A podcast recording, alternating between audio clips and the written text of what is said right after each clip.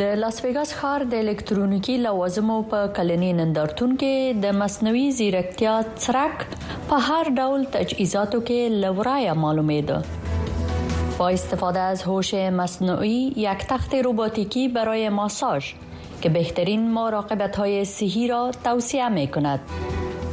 نوی نوښت د درون فوتبال د درون په واسطه څنګه د فوتبال لوبه کیدای شي در این نمایشگاه وسایل برای سهولت حیوانات خانگی و صاحبانشان نیز در نظر گرفته شده است سلامونه او ستړي مشي د امریکا غږ د یو موضوع او څو زاویې خبرونه ته خراغلاست زه برېښنا عمر خیلایم د دې ونې موضوع په لاس ویګاس ښار کې د مصرفي الکترونیکی لوازمو نندارتون دی تیرونه شاوخوا یو سلو دیش زره کسان د امریکا د نوادا ایالت په لاس ویګاس ښار کې د دوه زره او څلوېښتم کال د ټکنالوژۍ د برخې د نوښتونو نندارې ته راټول شوي وو د مینوالو دا شمیر ښیي چې د ټکنالوژۍ دغه نندارتون ته لوی او کوچني شرکتونه ډیره لیوالتیا لري د امریکا غږ خبرياله ټینا ترنګ د څلورو زرو کسانو له ډلې څخه چې خپل نوښتونه نندارې ته ایښي وو له یو شمیر سره خبرې کړې دي چې پکې مصنوعي ځیرکتیا ډیجیټلي روغتيايي تجهیزات او نور توکي شامل وو. سږ کال د لاس ویګس د الکترونیکي لوازمو په نندارتون کې د ټیکنالوژي شرکتونه نوي لارې په ډاګه کوي چې ټیکنالوژي د انسان په ورځني ژوند کې ورځ تر بلې ډیره کارول کیږي. د تجملي لوازمو د نندارې ترڅنګ ځینې هغه لوازم هم تر سترګو کیږي چې ډیره عملي بڼه لري او په ورځني ژوند کې هم ډېر استعمالیږي. په ټورنټو کې میشت د زیندر کاردیان شرکت د روغتیايي لوازمو او د امنیت د څارنې وسایل جوړوي. دا یو ال ټي ای او وای فای مودم لري چې په بنسټ کې جوړ شوی چې د کارولو لپاره خورا اسانه دی، یوازې یې په خپل کور کې په ساکټ کې واچوي او کار کوي. دې شرکت داسې وسیلې نندارې ته ایښې دي چې کولای شي د لیرې لارې حیاتي نښې وڅاري. وسیله د کارکوونکي حضور کشفوي او د کمرې یا اغوستلو وړ وسیلو پرته د زړه ضربان، تنفس او حرکت اندازه کوي. دا همدارنګه د روغتیاپالانو لپاره چې د ډېر عمر لرونکو خلکو یا د روغتون د ناروغانو څارنه کوي، د محرومیت د ساتلو یو میتود هم دی.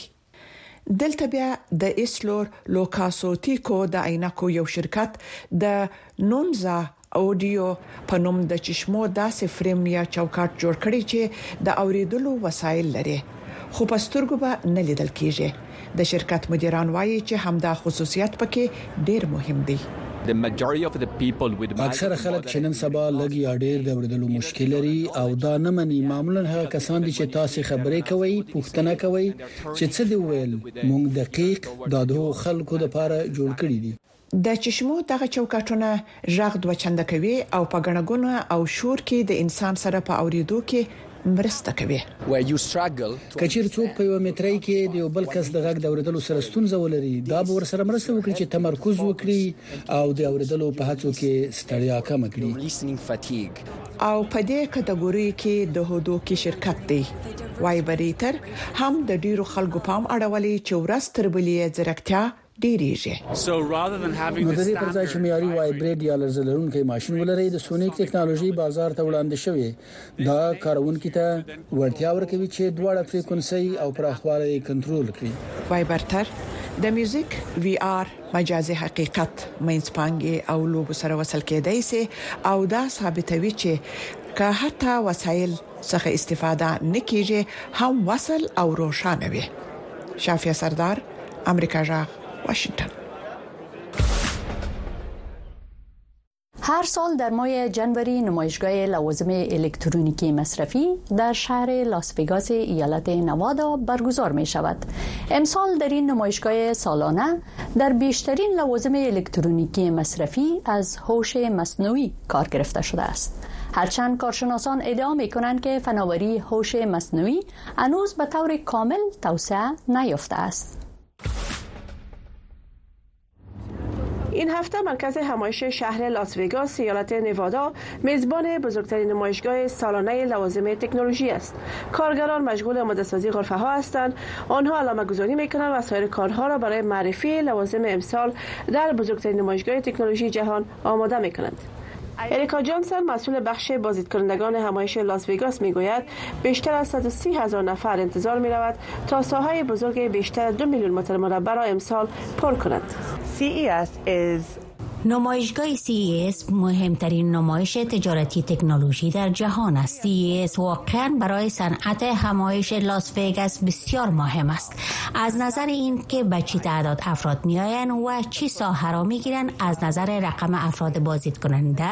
نمایشگاه اهمیت دارد. امسال انتظار 130 هزار بازدید کننده را داریم و بیشتر از 3500 شرکت ها سهم گرفتن بسیار بزرگ است. تنظیم کنندگان نهاد تکنولوژی مصرف کنندگان میگوید سال گذشته با وجود برخی از محدودیت های سفر حدود 118 هزار نفر از نمایشگاه دیدن کردند پس از اینکه سال 2023 با تولیدات هوش مصنوعی بات ها و اوپن بات همراه بود اندر ناپوری کارشناس مسائل تکنولوژی میگوید در نمایشگاه امسال هوش مصنوعی یکی از مهمترین بخش آن است نمایشگاه امسال هوش مصنوعی است هر چیزی که معنی آن را دارد با ما شاهد هوش مصنوعی هستیم به خصوص آنچه در سال 2023 بیشتر جان گرفته است و سرخط اخبار شده است امسال شرکت ها بیشتر روی این نظریه کار کردند و تولیدات بیشتر دارند به خاطر که بیشتر جلب توجه کرده و برای مشتریان تولیدات با را ارائه می کند در سایر بخش ها سازی ژاپنی هوندا قرار است موتورهای جدید برقی خود را معرفی کند و شرکت موتور هایندای نیز تاکسی های پرواز کننده را به نمایش آوردند وسایل اجناس به شمول تلویزیون ها ربات ها و تولیدات تکنولوژی هوشمند معرفی می شود um, نمایشگاه CES امسال بیشتر نمایشگاه خودکار یا اتوماتیک است انتظار شرکت هوندا را داریم که موتورهای جدید برقی جهانی را معرفی می کند و چی معنی دارد ما از هوندای نیز تولیدات داریم و قسمی که شنیدیم یک شرکت نوپای تکنولوژی هوندای تاکسی های هوایی خود را معرفی کند اکثر تولیدات تکنولوژی و موتر هوشمند است و برای خریداران موترهای برقی با قیمت های مناسب عرضه می شود پس از دو روز حضور رسانه ها نمایشگاه تکنولوژی سالانه لاس ویگاس روز شنبه این هفته به طور رسمی برای لقمندان باز می شود جیلا نوری صدا واشنگتن د مصرفي ټکنالوژۍ په نندارتون کې یو فرانسوي شرکت داسې روبوټ نندارې ته وړاندې کړی چې په 2025م کال کې به په روغتونونو کې د ناروغانو او روغتیاپالانو سره مرسته کوي. دا مروکای ده د انیمیشن نه الهام اخستونکي روباټ چې دلته د مرستې لپاره راغلی دا د انهانس ټولز په نوم یو فرانسوي شرکت جوړ کړی دی مروکای مصنوعي ځیرکتیا کاروي کوم چې دا شرکت وايي د خلکو ترمنځ د تماس لپاره به وکارول شي دا روباټ په یو چورلیدونکو توپ ګرځي او ډېر ګړندی حرکت کوي. هغه روبات چې تاسو یې وینئ هغه میروکای دی او د هغه یوه خور ده چې میروکا نومېږي او دوی له بلې نړۍ نه دلته زموږ سره د مرستې لپاره راغلي دي. دوی په خپله نړۍ کې ډېرې ستونزې حل کړې او دوی اوس زموږ لپاره وخت لري او دوی روغتونونو ته راځي چیرې چې به دوی د نرسانو سره په ورځنۍ کار کې مرسته وکړي. دا شرکت وايي چې میروکای به په دوه زره پنځه ویشت کال کې روغتونونو کې کار پیل کړي او د نرسانو سره به مرسته وکړي. هدف یې خلکو ته د شیانو رسول دي نو په حقیقت کې لوجستیک اهداف لري. دا د شیانو د رسولو توان لري او په نږدې راتلونکي کې تاسې کولای شئ له هغه څخه وغواړئ چې روبا ته ولاړ شه ما ته دا شی راوړه. دا د دوی لپاره واقعاً اسانه ده چې یوازې په غږ سره یې وکاروي. دا روباټ به د خلکو ډېر داسې نور کارونه هم ترسره کړي. په حقیقت کې دا ډېرې بڼې لري، هر څوک کولای شي د دې نه مختلفې پوښتنې وکړي، د چاپېریال په اړه ترېنه ساده پوښتنې وکړي یا دا چې په روغتون کې د غرمې ډوډۍ څه وخت ده؟ یا آیا زما مجله راورسېده؟ اروپا دا هم کولی شي چې که تاسو ورته موسکی شئ نو دا هم موسکی شي. په لاس انجلس کې د کارونکو ټولنې د ټیکنالوژۍ نندارتون هر کال جوړیږي او ډول ډول نوي شیان پکې نندارې ته وړاندې کیږي. سږکال دې نندارتون د جنوري د نهمې نه د جنوري تر دولسمې پورې دوام وکړ. نذرانه یوسفزۍ امریکا غږ واشنګټن در ادامه وسایل مربوط به صحت در این نمایشگاه یک شرکت فرانسوی تخت روباتیکی را برای ماساژ به نمایش گذاشته بود که از هوش مصنوعی برای اسکن بدن استفاده کرده و بهترین مراقبت های صحی را توصیه می کند. این تخته که توسط شرکت فرانسوی کپس ایکس روباتیکس ساخته شده با یک دست روباتیک با مشتریان خدمات مساژ را فراهم می کند و برخلاف محلات معمولی مساژ هر وقت که خواسته باشید از آن استفاده کرده می توانید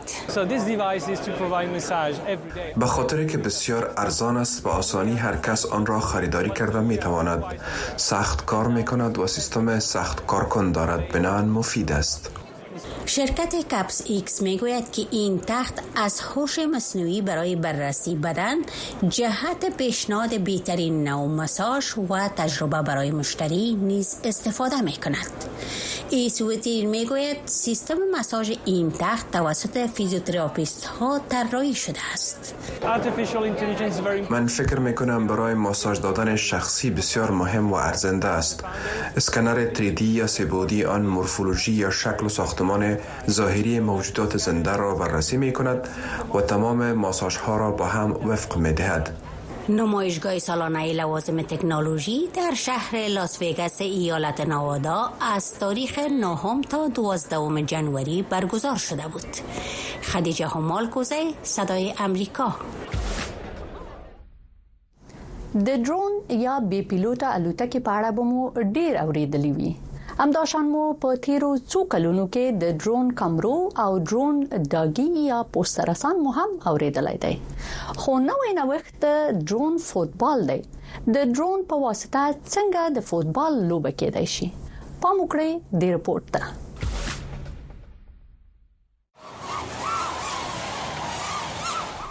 شوټ یې کړه شوټ شوټ پاس ورکړه او دا دی ګول دغه ډرونونه د فوټبال په بڼه جوړ شوي دي او په هوا کې لکه غومبسي بنګيږي د فوټبال میدان له جاله جوړ شوی ده او فوټبالران یې ریموټ کنټرول په لاس خو د میدان په څنډه کې ولاړ دي دغه لوبه ډرون فوټبال بلل کیږي او په لومړي ځل د لاس ویګاس د الکترونیکي نوښتونو په کلني نندارتون کې نندارې ته وړاندې شوه. د نړیوال فوټبال د فیفا په څیر ډرون فوټبال هم نړیوال فدراسیون لري. د دې فدراسیون مشر د دې نوښت په اړه داسې وایي. د دې لوبي پیل لدی پښتنې وشو چې مونږ څنګه په ډرون فوټبال کولای شو او بیا چیرونکو پیل وکړ چې بل اخر د ډرون فوټبال دغه بڼه جوړ شو او لدی سره رسمي لوبه جوړ شو په دواړو ټیمونو کې 15 لوبغاړي وي چې یو یې شوټر وي او څلور نورې دفاع او یا ګول ساتونکي وي کټمټ لکه عادي فوټبال ګول هغه وخت کیږي چې توپ د مقابل ټیم تر ګول تیر سي. د لوبو خبریاله ډیانا سو وایي دغه لوبه د یوې افسانوي یا خیالي نړۍ لوبه ښکاري. ما ته دغه لوبه جادويي ښکاره شوه خو ډیر ژر پوه شوم چې اوس خیالي او جادويي چارې په حقیقت کې تر سره کیږي. د ډرون فوټبال د فدراسیون د امریکا د څانګې مشر شان ګرینهال هیله من دی چې دغه لوبه به ځوانان په لا ډېرو چارو کې د ډرون الوزولو ته وهڅوي. زښته ډېره خوندوره لوبه ده. هر څوک یې چې وویني نو سملاسي هڅه کوي چې د دې لوبې په اړه نور معلومات هم وکړي. د ګول حلقه شپېته سانتي متره وي او هو رښتیا هېر مو نه شي چې څوک فاول وکړي نو پېنالټي شوټ هم پکې کېدای شي. ایوب خاورین د امریکا غږ واشنګټن. در نمایشگاه سالانه وسایل الکترونیکی مصرفی امسال حیوانات نیز فراموش نشدند در این نمایشگاه از یک دروازه الکترونیکی برای حیوانات خانگی پرده برداشته شد بیایید با هم یک جا ببینیم که این دروازه برای حیوانات خانگی چی خصوصیات را دارد پاپورت دروازه هوشمند متصل به وای برای حیوانات خانگی مثل سگ و پشک ساخته شده است این تکنولوژی جدید به صاحبان حیوانات خانگی اجازه می دهد تا معلومات در مورد آنچی آنها در طول روز در غیبت صاحبان خود انجام می دهند را جمعآوری کند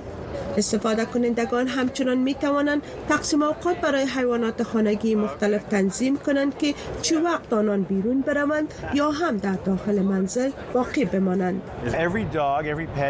وقتی دروازه تنظیم می شود دروازه می داند که چی زمان حیوان از خانه بیرون رفت و چی وقت پس می آید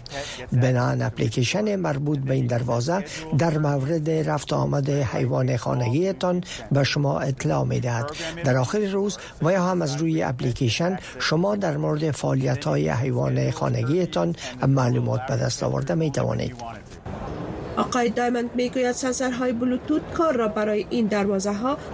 تر ساخته است. در گردن هر سگ، هر ایوان خانگی یک برچسب سبک همراه سنسر بلوتوت کوچک آویزان می شود که شما آن را برای هر دروازه برنامه ریزی می کنید بنابراین شما تصمیم می گیرید که کدام حیوان خانگی با کدام دروازه دسترسی داشته باشد و یا هم دسترسی نداشته باشد و بعد دروازه های تنظیم شده با آنان اجازه رفت آمد را می دهد داد همچنان گفت که پاپورت از ورود مهمانان ناخواسته از ورود باد خانه، حشرات و سایر حیوانات جلوگیری می کند دروازه های معمولی و عام برای حیوانات خانگی به همه چیز اجازه می دهد تا وارد منزل شود مانند حشرات و سایر چیزهای ناخواسته و از همه مهمتر که تضمین امنیتی فراهم کردن نمی تواند نمایش سالانه فناوری های جدید در شهر لاس وگاس که قبلا به نام نمایش لوازم الکترونیکی مصرفی یاد می شد به تاریخ نهم ماه جنوری آغاز شد و برای چهار روز ادامه داشت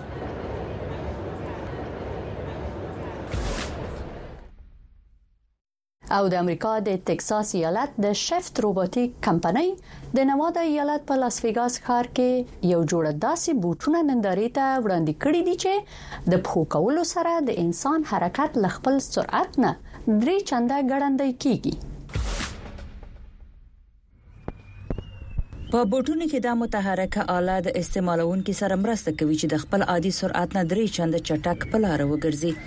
دا اله په ځانګړي توګه د ګودام هغو کارګرو ته جوړه شوې چې کم وزن لري ترڅو د کار په وخت کې د ټپي کېدو نه ډډه وشي د دې بوټونو مخترع وایي چې دا بوټونه داسې جوړ شوي چې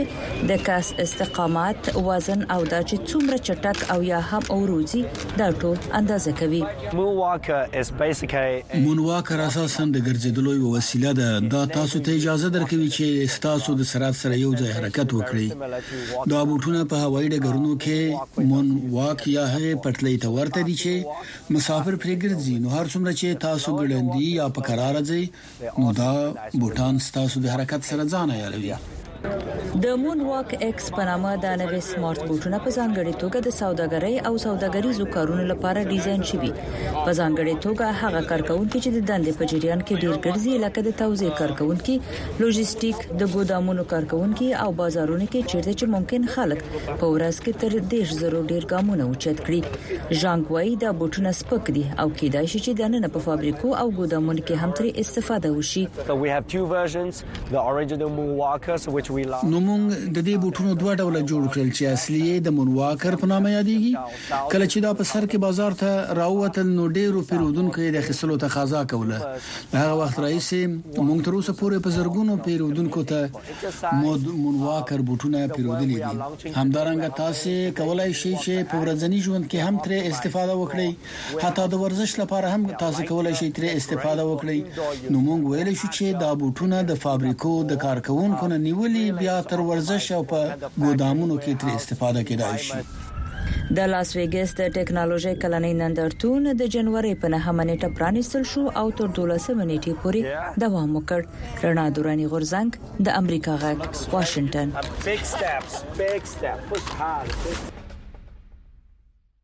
و میلیون ها نفر در سراسر جهان از معلولیت های صدا رنج میبرند شرکت هالندی ویسپ در نمایشگاه وسایل تکنولوژی امسال در شهر لاس ویگاس از اپلیکیشن پرده برداشت که با استفاده از هوش مصنوعی گفتار زمزمه‌ای و متاثر شده یک فرد را به صدای واقعی او مبدل می سازد.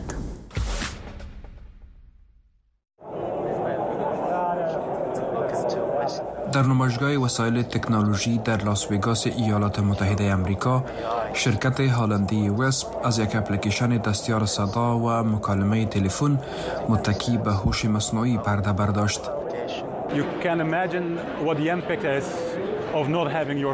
شما تأثیری را که صدای شما دارد تصور کردن نمی توانید. ما اهمیت آن را وقت درک می کنیم که آن را از دست بدهیم. وقتی صدایتان را از دست دادید، بالایتان تأثیر بزرگ دارد. سافتویر وسپ با استفاده از هوش مصنوعی صدای جر و خفیف را به صدای شفاف و واقعی مبدل می کند. کاربران این اپلیکیشن می توانند با صداهای ثبت شدهشان صدای مشخص خودشان را ایجاد کنند.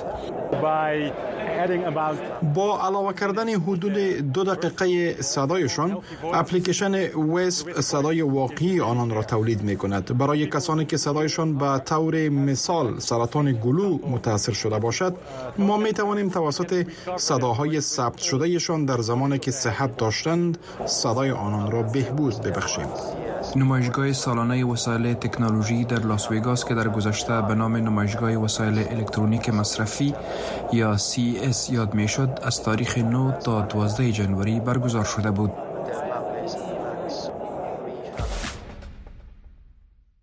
او د امریکا په لاس ویګاس ښار کې د راتلونکو موټرو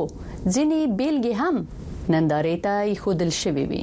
په دې نندارتون کې لداسې ټاکسي موټرو پرده پورته شو چې د چنګاخ په څیر حرکت کوي او د هاندا شرکت بیا دوه ډوله برقي موټر معرفي کړې دي چې په عادي بټریو باندې بچليږي دلته له نوي ماډل موټرو پرده پورته کیږي په دې کې د هانډا شرکت د سپر لړۍ برېښنايي موټر هم پیژندنې ته راوړل شوی چې د جاپاني موټر چلوونکو په وینا دا هغه ماډلونه دي چې نازک سپک او ډېر ځیرک دي دلته د خونې په څیر د ډېر ځای لرونکي واړه بسونه هم شته او دا د ماهي د ملا په څیر خویا او په ځان راټول موټر دی چې د نیان نوي ډول څراغونه په کې لګول شوي دي. داسې ویل شوي چې موږ په نړۍ کې د بیتریو په ذریعه د برېښنايي موټرو تر شا ولاړ یو. په دې کې د زیرو سیریز، صفر لړۍ، ماډل هم شامل دی چې معرفي یې پیلوو. موږ غواړو خپلو پیرودونکو ته نوی ارزښت ور وپېژنو او ورته وښیو چې په دې برېښنايي موټرو کې ډېر لذت شته او غواړو چې نړۍ ته دا ماډلونه عرضه کړو. دا موټرې به تر دوه زره شپږ ویشت کال پورې په سړکونو ونه وینئ. د هانډا شرکت هم د صفر لړۍ او یو ډول راحت او پرمختللې بڼه برېښنايي موټرې معرفي کړې دي چې راتلونکي کې به په سړکونو باندې وګرځي. د پام وړ یې د یاد شرکت لخوا د عادي بېټریو مستقل تولید دی. نن سبا په برېښنايي موټرو کې د لیتیمو جوړې بیټرۍ ډېرې کارول کېږي، خو د اور اخیستلو خطر یې ډېر زیات دی. برعکس، عادي بیټرۍ چې لیتیم پکې د برېښنايي تارونو ترمنځ کارول کېږي، ډېرې ثابتې او زیات قوت لرونکې بلل کېږي. خو هونډا یوازینی شرکت نه دی چې د عادي بیټریو لرونکي نوي موټر جوړوي. د بېلګې په توګه، ټویوټا په دې وروستیو کې موافقه کړې چې د جاپان د آیډ، میتیسو په نوم د تېلو شرکت سره په ګډه د تکنالوژیکو سیمو بېټرۍ تولید کړي، خو څېړونکي وايي، داسې نظریې چې دا ډول موټرې به یوه ورځ بازار ته عرضه شي، لږ مایوسه کوونکې دي. ستونزه دا ده چې موږ به یې تر راتلونکو څو کلونو ونه وینو او همدا د شرم خبره ده، ځکه ډېر خلک چې غواړي همدا نن برېښنايي موټرې واخلي، باید یا شاید تر دوه زره او شپږ ویشت کال پورې صبر وکړي، دا لږ مایوسه کوونکې ده. په دې نندارتون کې اکثریت موټرې د راتلونکي لپاره ډیزاین شوې او ایښودل شوې دي چې لا هم ډیر کلونه وروسته به عرضه شي خو په لنډه موده کې دوتومات موټرو بازار به ډیر تود وي. دا نندارتون چې د جنورۍ په نهمه پرانیستل شوی و تر دولسمې نیټې پورې یې دوام وکړ. غورځنګ، د امریکا غږ، واشنګټن. و یک خبر مایوس کننده در بخش تکنولوژی این است که ماموریت پرتاب سفینه فضایی ناسا برای گردش به دور ماه و ماموریت بازگشت فضانوردان به ماه بار دیگر به تاخیر افتاد. دلیل این تاخیر را در این گزارش دنبال کنید فضانوردان ناسا اکنون باید یک سال دیگر برای ماموریت گردش و دور ما منتظر بمانند. سوی هم ماموریت بازگشت فضانوردان امریکایی به کره ما نیز به تاخیر افتاد. قرار بود اداره ملی هوانوردی و فضایی امریکا یا ناسا در اواخر امسال چهار فضانورد را برای گردش به دور ما بفرستد مموریت که دو دو نامگذاری شده است مموریت بعدی که سه نام دارد قرار بود در سال آینده پس از بیش از نیم قرن پای بشر را دوباره به ما باز کند ناسا میگوید که این هر دو مموریت به دلایل حفاظتی به وقت انجام نخواهد شد مسائل حفاظتی در صدر اولویت های ماست برای تان باید بگویم که به همین دلیل ما زمان پرتاب آرتیمیس دو را به سپتامبر 2025 به تعویق انداختیم و زمان پرتاب آرتمیس سی را که برای نخستین بار انسانها را به قطب جنوب ماه می برد به سپتامبر 2026 به تعویق انداختیم این خبر پس از آن نشر شد که یک شرکت خصوصی مستقر در شهر پیتسبرگ امریکا از مأموریت ارسال یک سفینه فضایی به ما به دلیل یک نقیزه فنی دست بردار شد اکنون قرار است یک شرکت خصوصی دیگر در ایالت تکساس یک سفینه را به ما ارسال کند که ماموریت اکتشافی برای فرود آمدن فضانوردان ناسا را دارد.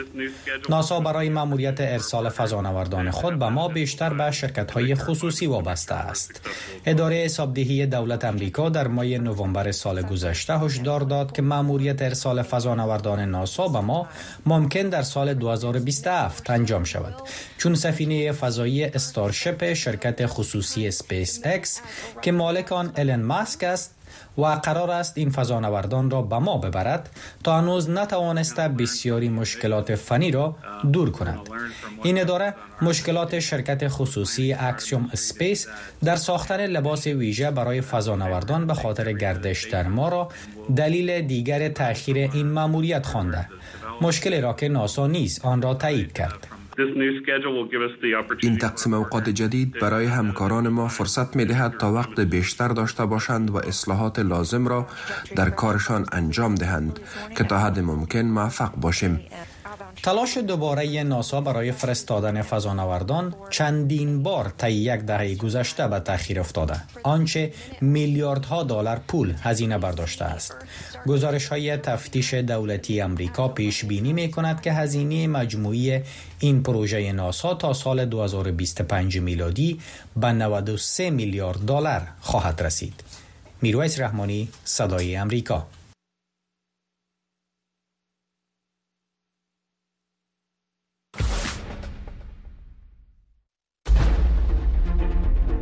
د هیواد او نړۍ مسلې ستاسو پوښتنې د چارواکو ځوابونه او د پوهانو سپارښتنې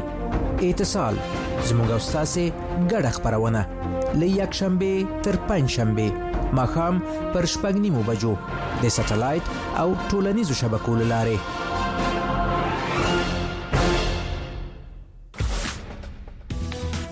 بیا هم د تل پشان ستاسو د ملتیانا مننه دا خبرونه هم همدلته پای ته رسیدي خو تاسو کولای شئ د امریکا غږ پښتو او دری خبرونه او بیلا بیل موضوعګان د امریکا غږ په انستګرام فیسبوک او ټوئیټر پاڼو کې وګورئ اوس د امریکا غږ پښتو او دری خبرونه په ژوندۍ بڼه د یاست د سپوږمکۍ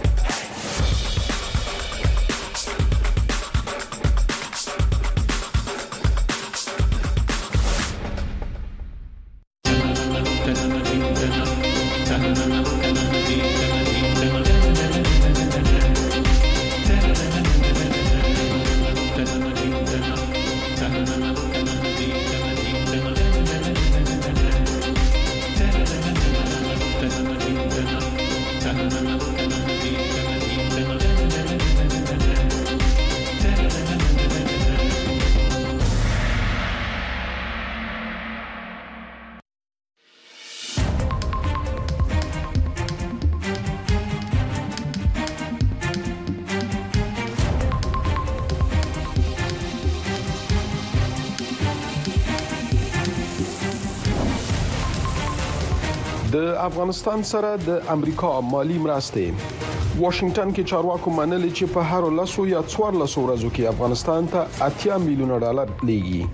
پیسې د ملګرو ملتونو حسابونو ته ځي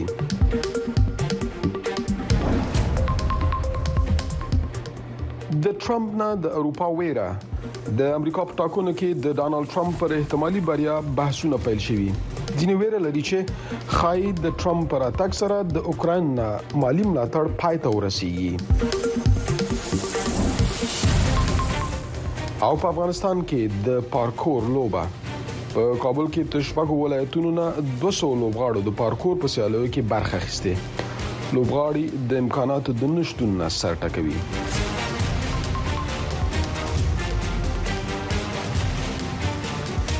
السلام علیکم خرغلاست نن شنبه د جنوري د میاشتې شلمه نیټه ده تاسو دا او زموږ نور خبرونه په سټلایټ او د امریکا غاک په ټولنیزو رسنیو کې هم لیدل شئ تاسو کوربه زه احمد شکیب یم د تورخم دروازه لا هم تړلې او داسې ویره ده چې ښایي دغه ترانزیټي لار د یوې نامعلومې مودې لپاره تړلې وي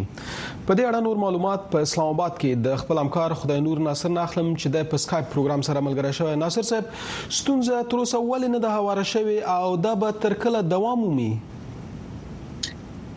لکه تاسو چې څنګه ذکر وکړ تر اوسه پورې لا هم دغه دروازه تړل شوې ده او دا سې ښکاری چې کېدلې سي دغه دروازې بندیدا پسې وغځيږي ځکه چې له دواړو خواو چې څومره هم خبرې تر اوسه پورې سوي دي کوم مثبت ګام قدم نه دی پکې اخیستل سوی یا کوم مثبت خبر نه دی تراوت تیراوتلی لدی سره چې دغه دروازه د تورخم دروازه بنده ده نن تر ماسپښین وروسته په ډیورنډ کرښه باندې د کونړ او باجوړ ترمنځ دواړو غاړو ته سرچینې وایي چې د افغان طالبانو او ورسره بیا د دې غاړې ته د پاکستاني چارواکو ترمنځ دازې هم سوي دي د دغه نشته په حق تر اوسه پورې کوم جزئیات نه دی ورکړل شوی چې د دغه نشته لامل څه وو او په څه باندې دوی ډزې سره وکړي خو دواړو غاړو ته سرچینې دا تاییدوي چې ډزې د څه وخت لپاره وسوي خو د کوم مارګ جوړ تر اوسه پورې راپور نه دی ورکړل شوی نو کوي وی خاطر په ډیورنډ کرښه باندې د تورخم دروازه لا هم تړل شوې ده دواړو غاړو ته په سلګونو کانټینري موټرې باندې ولاړې دي خلک له ګڼو ستونزو سره مخامخ دي نو بلې خواته بیا په همدې ډورنډ کرښه باندې د کونړ او باجوړ ترمنځ هم دغه نښته سوې ده بخښنه غواړم لنډه پوښتنه کوم لنډ ځواب راته راکړئ آیا عادي خلکو ته د تګ راتګ اجازه ورکول کیږي کوم چې ویزې لري او په ویزو پاسپورت باندې تګ راتګ د عامو خلکو خلاص دی البته تر دې دروازې تر تړل کېدو مخکې دا سی و چې کله وخت نا وخت بیا افغان ناروغان هغه کسان چې هغه به ناروغان وو هغه به بي ویزه هم راپرې شول پاکستان ته له کله راځي چې د تورخم دروازه تړل شوې ده هغه ناروغان چې ویزه نه لري هغه هم نه راپرېښول کیږي خدای نور ناصر صاحب ډیره زیاته مننه کوم له معلوماتو کور مو ده په خیر اوسئ په تورخم کې تم کیګو سوداګر وایي چې لارې د دروازې په دړو غاړو کې د تیرېدو لپاره انتظار باسي دوی وایي چې د تورخم دروازې د تړل کېدو لکبلې میلیونونه ډالر زیانونه غالي دي مسکا ساپې پر لپیخور ریپورت لري په مالټو بار لارۍ بېرته راتاوېږي. دغه افغان موټر چلوونکی وايي، تاجر ورته د غلام خان پولې له لارې د مال رسولو غږ کړی، خو د دې مزدور مزدوري به یوازې د یوې ورځې وي. دغه کم ګاډي چې دلته ولاړ دي دغه ټولو ګاډو دا خرچه چې کم ده دا د دیو د خپل جیب نه ده دا دیو ته نه تاجر ور کوي نه ورته د حکومت د خوانه کم پیسې ملاويږي ارڅه په خپل ځان باندې دي دلته د ورځې کم اس کم 2000 یو نیم زر کلدارې د یو کس نه خرچه کیږي د تورخم دروازه د څه باندې د یوې اونۍ راهیسې تړلې ده. موټر چلوونکي وايي، څو څو ځلې یې د ویزې غوښتنه کړې ده. سوداګر او موټر چلوونکي وايي، پاکستان باید د ویزې د تګلارې عملي کولو لپاره لږ تر لږه د یو کال وخت ورکړي او یا هم د ویزو اخیستو لپاره لاره هواره کړي. خو د پاکستان د بهرنیو چارو وزارت بیا دریځ لري چې په نړۍ کې د نورو هېوادونو په څېر د افغانستان او پاکستان ترمنځ هم د خلکو تګ راتګ باید د پاسپورټ او ویزو پر اساس ترسره شي. ویزې دوی راکوي نه خپله، هر یوه ډریور درې درې پېرې اپلای کړې ده، څلور څلور اپلای کړې ده. پنځ پنځ هزار روپۍ دی غواړي هغه بیا ریجټ شي واپس هغه وایي چې مونږ پاسپورتونه ورکوو دوی مونږ ته هم ویزه نه راکړي او هم را تر دا وای چې ویزه راکړي ویزه ته مال په گیټ کې ولګوا زه به شک ویزم در سره منم هر سم در سره منو خو په اصول باندې نو جوار دیم بار کړی دی سبزی ټوله لندې ولاړه و خرابه شوله بیرته یې تاو کله حکومت ویزه غواړي په ګیټ کې ویزې میزې هیڅ اسم نشته دی چې ویزه موږ ور وښیو موږ له اسانتیا جوړې کی څلور پنځه پیرې موږ ما خپل اپلای کړی دا ویزه کینسل لا وتی دا دوه میاشتې پس کینسل لوزي حکومت نه موږ دغه غوښتنه کوو چې موږ له شپږ میاشتې یو کال پورې ټیم راکړي دا معامله سور نه نیسي د څه به موږ سره وکړي دا کارټونه څنګه چې مزدورانو ته ورکړه د مزدورانو معامله لکه چې اوس حل شوې مګر رقم کارټونه دې موږ ته راکړي دې ګاډي لمبر دې مولي کی موږ نامه دې مولي کی هر څه دې برابر کړي چې په ګیټ راوړو دا کارت به وروسته کوم موږ دې پرېږدي دا ایزو میزو معاملې سور نه نیسي دا که اوس دا برابرې شي نو یو میاشت بعد بیا دا لانجه راځي د تورخم ګمرکي چارواکي وایي د تورخم دروازې تړل کېدو سره دواړو غاړو ته په میلیونونو ډالرو زیان اوښتی دی موجوده چې کوم مونږ فیګر راخیشتی او کرنټ کوم فیګر دی نو د هغه مطابق تقریبا په ایکسپورټ مود کې مونږ د 2.593 میلیون یو ایس ډي 3 میلیون ډالر پورې د ډېری نقصان په ایکسپورټ کې روان دی ورسره ایمپورټ کې چې کوم دی هغه مونږ چې کومه موجوده کرنټ فیګر دی نو د هغه مطابق 540 میلیون روپیز روزانه په بنیاد نقصان دی چارواکي وايي، دا مهال د افغانستان او پاکستان ترمنځ د غلام خان پرته نورې ټولې لارې د ترانزیتي مالونو د لیږد رالیږد پرمخ بندې دي. موسکا ساپۍ، امریکا غږ، تورخم. بیرته ګرځو افغانستان ته. د امریکا د بهرنیو چارو وزارت د افغانستان د بیا رغونې لپاره د امریکا د متحدو ایالتونو ځانګړي څارونکي دفتر سیګار ته ویلي چې د هرو لسو څخه تر څوارلسو ورځو پورې په اوسط ډول اتیا میلیونه ډالر د ملګرو ملتونو لخوا کابل ته انتقال شوې دي سیګار وایي ملګرو ملتونو د 2021 کال د دسمبر د میاشتې څخه د تیر 2023 کال د جولای تر میاشتې پورې 2.9 میلیارډ ناخ ډالر افغانستان ته د بشري مرستو لپاره انتقال کړي دي د افغانستان د بیارغونې لپاره د امریکا د متحده ایالاتو ځانګړي څارونکي دفتر یا سیګار په تازه راپور کې د نړیوال بانک د معلوماتو پر اساس ویلي چې افغانستان ته د 2023 کال د اګست تر میاشتې پورې د نغدو پیسو د انتقال کچه 1.21 میلیارد ډالر او په 2022 کال کې اندازه 1.8 میلیارد ډالر ته رسیدلې و سیګار وایي د امریکا د بهرنیو چارو وزارت سیګار ته ویلي چې په اوسط ډول اتیا میلیونه د هرو لسو څخه تر څوارلس ورځو پورې د ملګرو ملتونو له خوا کابل ته انتقال شوي دي. د ملګرو ملتونو مرستندوی پلاوي دفتر یا یوناما د وینا له مخې ټولې نغدې پیسې په یو خصوصي بانک کې د ملګرو ملتونو د ادارو په حسابونو کې جمع شوي دي. افغانستان ته په نغد ډول ټولې انتقال شوې پیسې د افغانستان بانک کې نه دي جمع شوي. سیګار د یوناما له قوله ویلي چې دا اداره د ملګرو ملتونو د مالي کړنلارو او پروسیجرونو پر اساس د نغدو پیسو د انتقال بهیر څارنه، پلټنه او ارزونه کوي. د طالبانو د حکومت ویاند ذبیح الله مجاهد رسنیو ته ویلي چې د طالبانو حکومت ته د دغو پیسو د انتقال څخه ګټه نه رسیږي او د ملګرو ملتونو او نورو نړیوالو ادارو له خوا مخامخ د خپلو پروګرامونو له لارې په مصرف رسیږي خو یو شمېر شنونکي په دې اړه شک لري. مرستي د ډالرو په په ډالرو کې افغانستان ته انتقاليږي او بیا بیرته په افغانیو بدلیږي نو په دې کې اول په اول قدم کې کوم کوم ادارې چې دی هغه د افغانو یا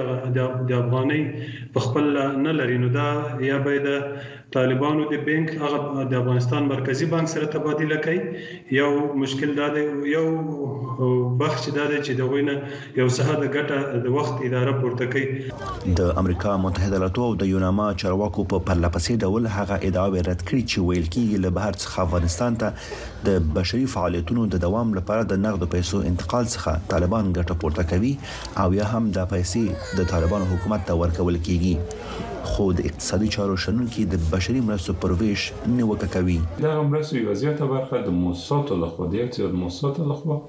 د بشري مرستو تر عنوان لاندې خلکو ته وویشل شوې چې دغه مرستې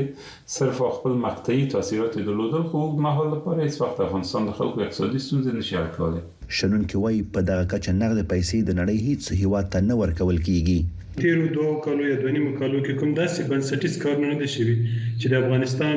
ولس ورنه د ولس هغه د درد دوا شي ټول کارونه د بشر دوستانه مرستو په نوم شوي چې خلکو ته د یو ټیم یا دوه ټیمه د ډوډۍ د رس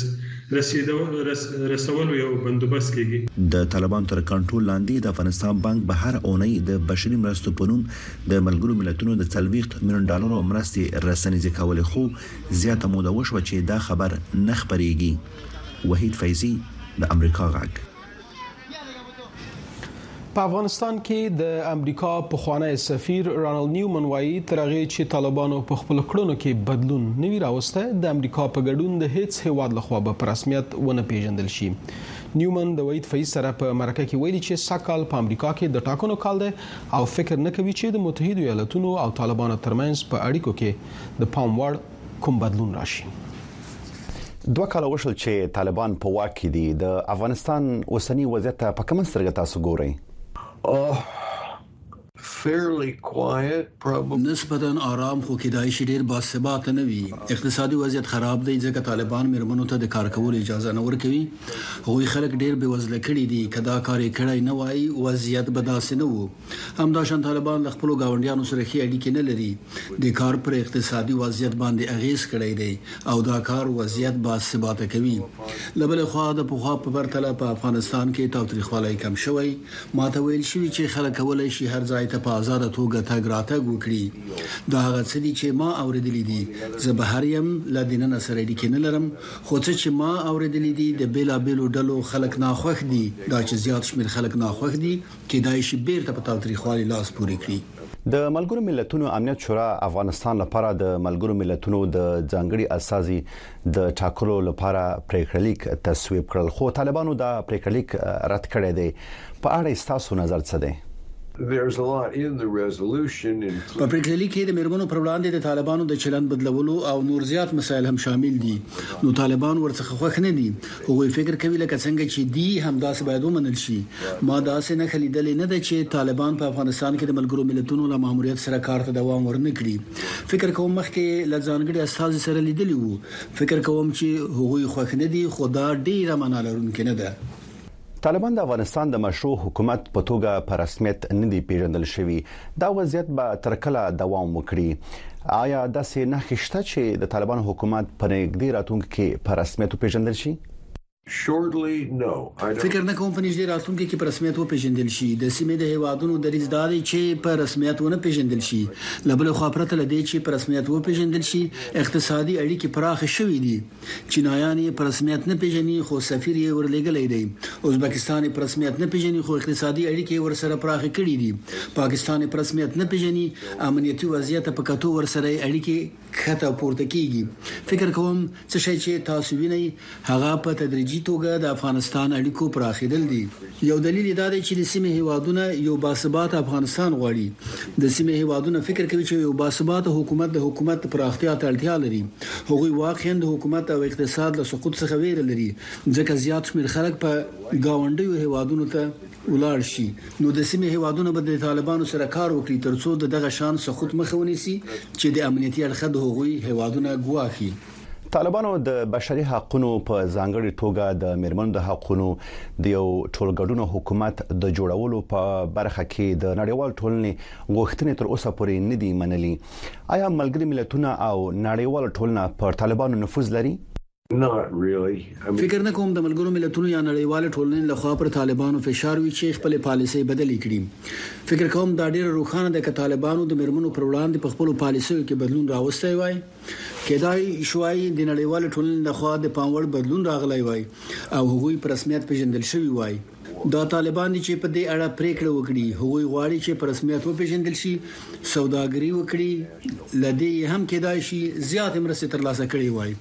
که یې د میرمنو پر وړاندې خپل دریځ بدل کړی وای، خو نه پوهیږم چې داسې به وشي او کنه، د کومو طالبانو په اړه چې مونږ خبرې کوو هغوی دا کار نه کوي. موږ پوهیږو چې د طالبانو په منځ کې هم د میرمنو پر زده کړو او کار د محدودیتونو لګولو په اړه پوښتنې راولاړې شوې دي خو دا یو ایدئولوژیک دریز دی چې د طالبانو د مشر هیبت الله اخوند لخوا پر مخ وړل کیږي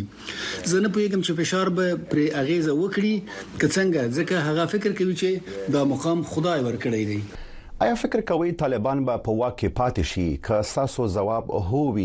نو د متحده لاتو او طالبان ترمنځ اړیکو ته په کومه سترګه ګورئ؟ افغانستان د حیرانتیا د تولید ښه وړتیا لري.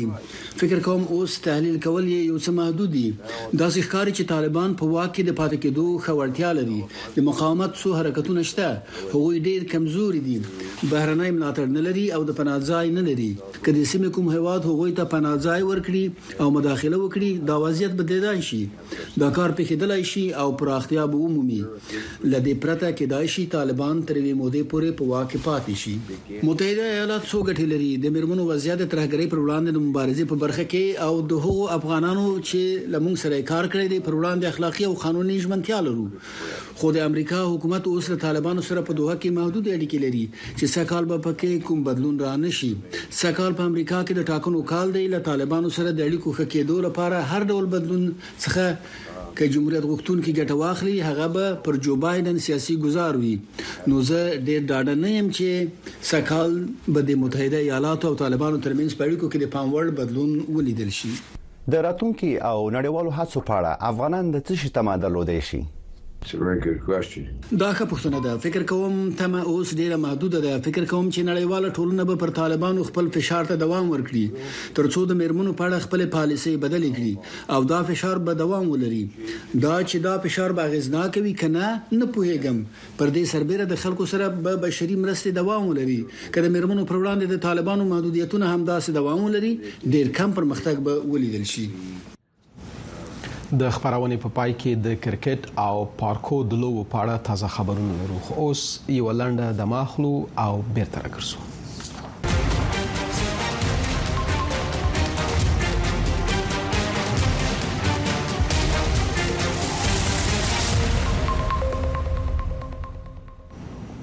پایل له لندو نړیوالو خبرونو کوو یوې امنیتي سرچینې ویلي چې اسرایل د سوریې په مرکز دمشق کې راکټي بریدونه کړي چې په پایله کې د ایران د انقلابي ګارد څلور غړي وژل شوي دي دغه امنیتي سرچینې چې ایران او سوریه ته نږدې ده زیاته کړې چې په راکټ کې لګیدلې ودانۍ هغه ایرانی سلاکاران په هغه ودانۍ کې چې راکټ لګیدل ایرانی سلاکاران دی راو چې د بشار الاسد د رژیم نه ملاتړ کاوه د ایران انګلیسي ژبه خبري شبکې پریس ټي وي خبر ورکړی چې د اسرایل د برید لکابل په دمشق کې دوه ایرانی سلاکاران وژل شوي دي اسرائیل په دې اړه تر اوسه کومه تبصره نه ده کړې د پاکستان د بهرنیو چارو وزارت وایي چې د دې هیواد د بهرنیو چارو وزیر جلیل عباس جیلانی د جمعې په ورځ د خپل ایرانی سیال حسین امیر عبد اللهیان سره د اسلام آباد او تهران ترمنځ د وروستیو شخړو د کمولو پر موضوع خبرې کړې دي څو ورځې مخکې ایران پر پاکستان او پاکستان پر ایران راکټي بریدونه وکړل چې په دې سره د دوه هیوادونو اړیکې ترنګلې شوې د پاکستان حکومت د یوې اعلامیې په خبرولو سره لیکلي چې اسلام آباد د تهران سره ګډ کار کولو ته چمتو دی د اعلامیې د مخې د دوړو هیوادونو د بهرنیو چارو وزیرانو موافقه کړې څو د ترهګرۍ سره په مبارزه کې ګډه همکاري پیاوړې کړي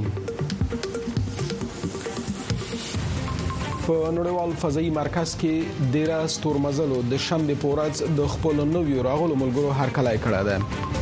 نوي کسان په یو شخصي کپسول کې فضایي مرکز ته رسیدلي دي په دې کې د ترکیه وګړی هم شته چې د لومړي ځل لپاره نړیوال فضایي مرکز ته تللی دی دوه نور کسان د سویډن او ایتالیا دي د اسرایل له لمړي وزیر بنیامین نتنیاهو سره تر خبرو سو ساعت وروسته د متحده ایالاتونو ولسمشر جو بایدن د غزې له جګړې پس د فلسطینی دولت د راتلونکو پاړه له نتنیاهو سره د اختلاف په اړه څرګند څه نه دي ویلي. بایډن وویل د دوو دولتونو څو ډوله حل لارې شته چې نتنیاهو ممکن د یوې لارې سره موافق وي. تر دې مخکې داسې راپورونه خپاره شوي وو چې امریکا او اسرائیل د غزې د راتلونکي په اړه د نظر ژور اختلاف لري.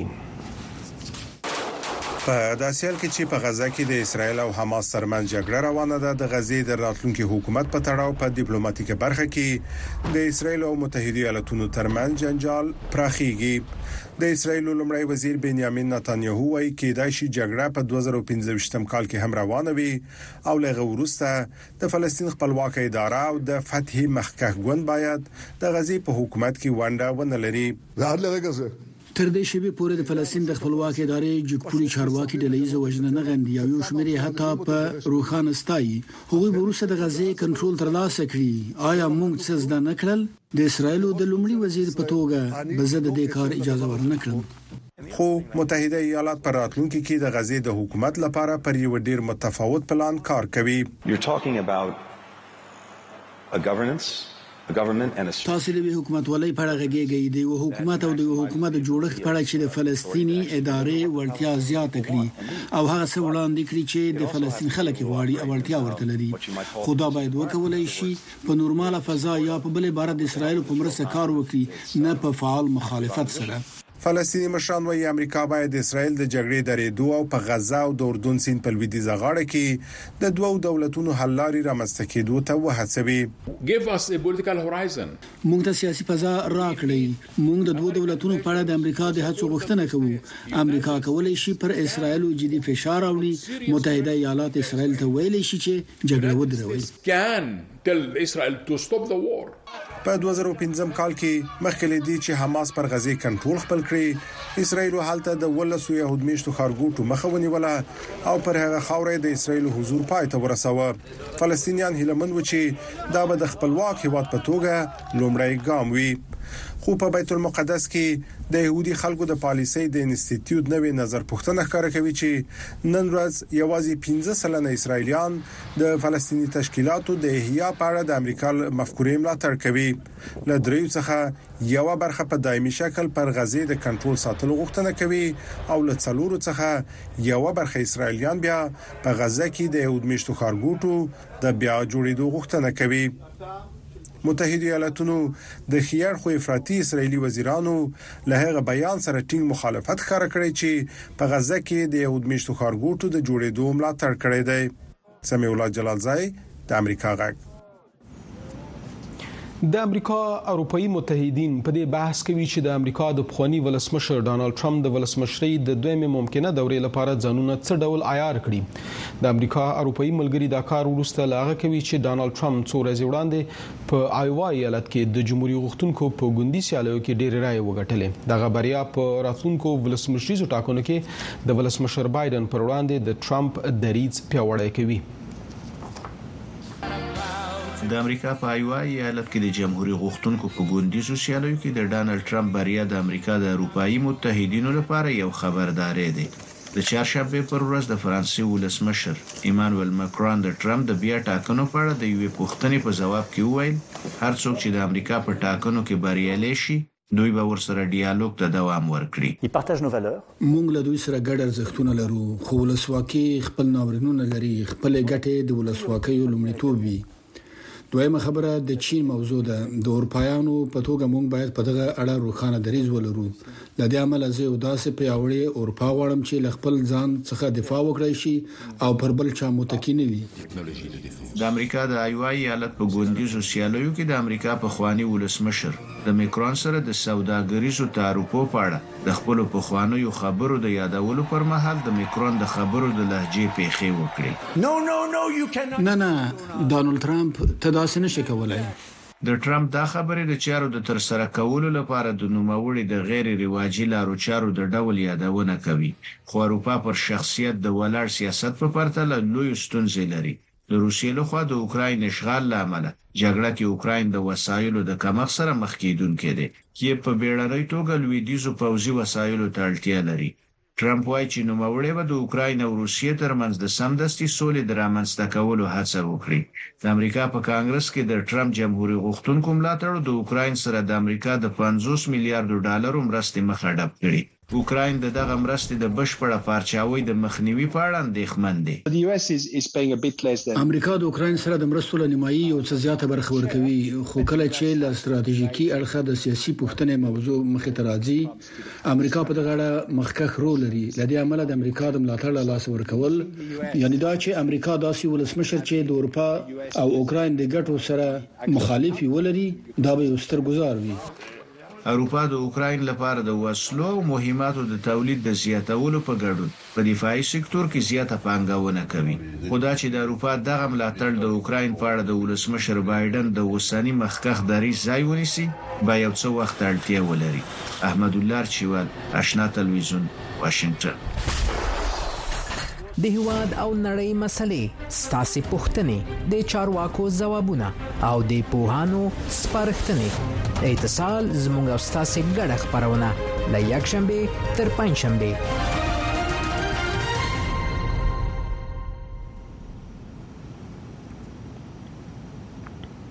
له ملتیا څخه مو ډیره زیاته مننه کوم د کرکټ د 19 کلنو لوبغاړو نړیوالې سیالۍ د جمعې په ورځ په جنوبي افریقا کې پیل شوې د افغانستان په شمول د نړۍ 14 لوبډلې په څلورو ګروپونو کې لوبيږي افغانستان په ډي ګروپ کې پاکستان نیوزیلند او نیپال سره مخامخ کیږي افغانستان لمړی د پاکستان خلاف لوبيږي په 2013 کال کې د 19 کلنو لوبغاړو جام هند ګټلو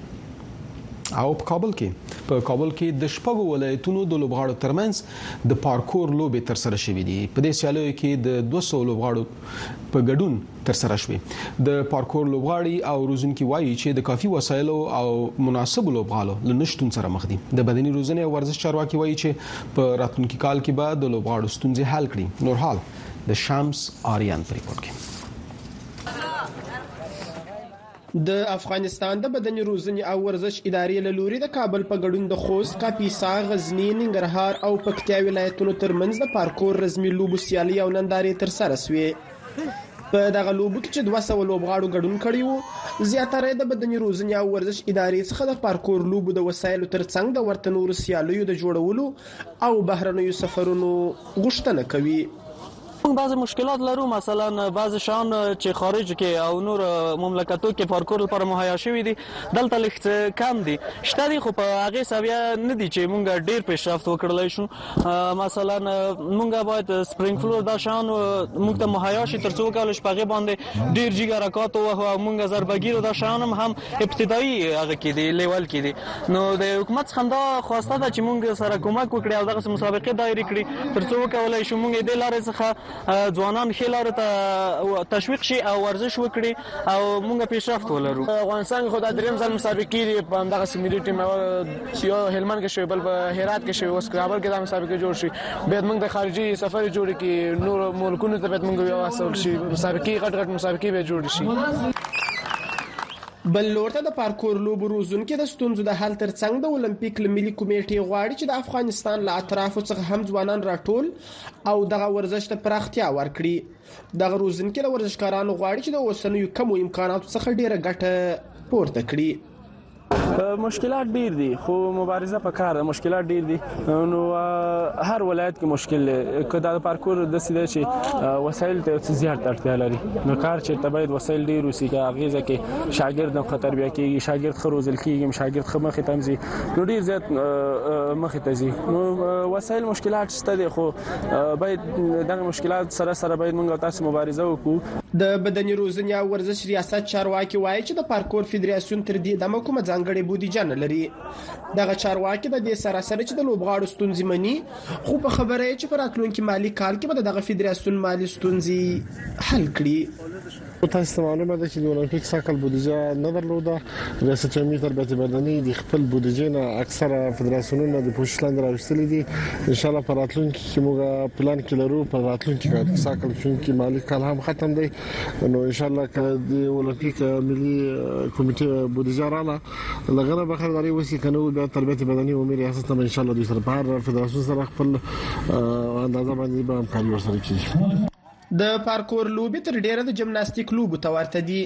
چې په افغانستان کې د ځوانانو ترڅنګ د کم عمر زلمیان هم د دې لوبو تمرینات کوي د دغو لوبو روزونکي وایي چې که د ځانګړو لوبغالو د جوړېدو او امکاناتو زمینه برابره سي لیرې بنوي چې افغان ځوانان به په نړیوالو لوبو کې ښه وځلیږي شامسارین امریکا غږ پارکور هم جالبه لوبه ده په دې سره